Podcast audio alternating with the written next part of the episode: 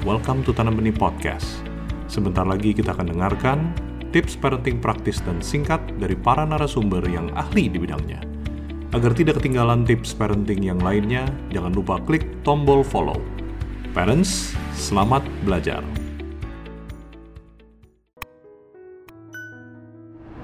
Temperamen diterima apa adanya, tapi kepribadian harus dididik dan dilatih hingga jadi matang dan dewasa.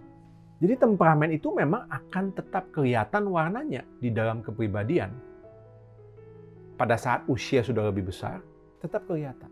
Misalnya, anak yang temperamennya antusias, ya akan cenderung tetap mudah antusias nantinya dibandingkan dengan anak lain yang temperamennya lebih tenang. Tapi kalau pola asuhnya cocok, maka si anak walaupun temperamennya sangat antusias, tapi kepribadiannya akan dewasa. Jadi, saat anak merasakan antusias yang besar, perilaku yang keluar itu akan tepat.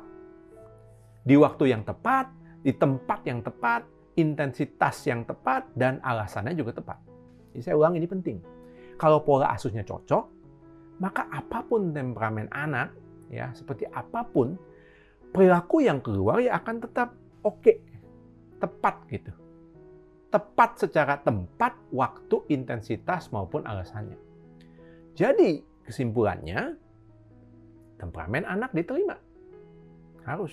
Tapi kepribadiannya ya adalah hasil didikan dan latihan sehingga jadi dewasa. Ini prinsip yang perlu diingat orang tua. Anda baru saja menambah wawasan parenting Anda bersama Tanam Benih Foundation. Sekarang, waktunya diaplikasikan. Jangan lupa follow podcast Tanam Benih di Spotify agar tidak ketinggalan parenting tips yang lainnya.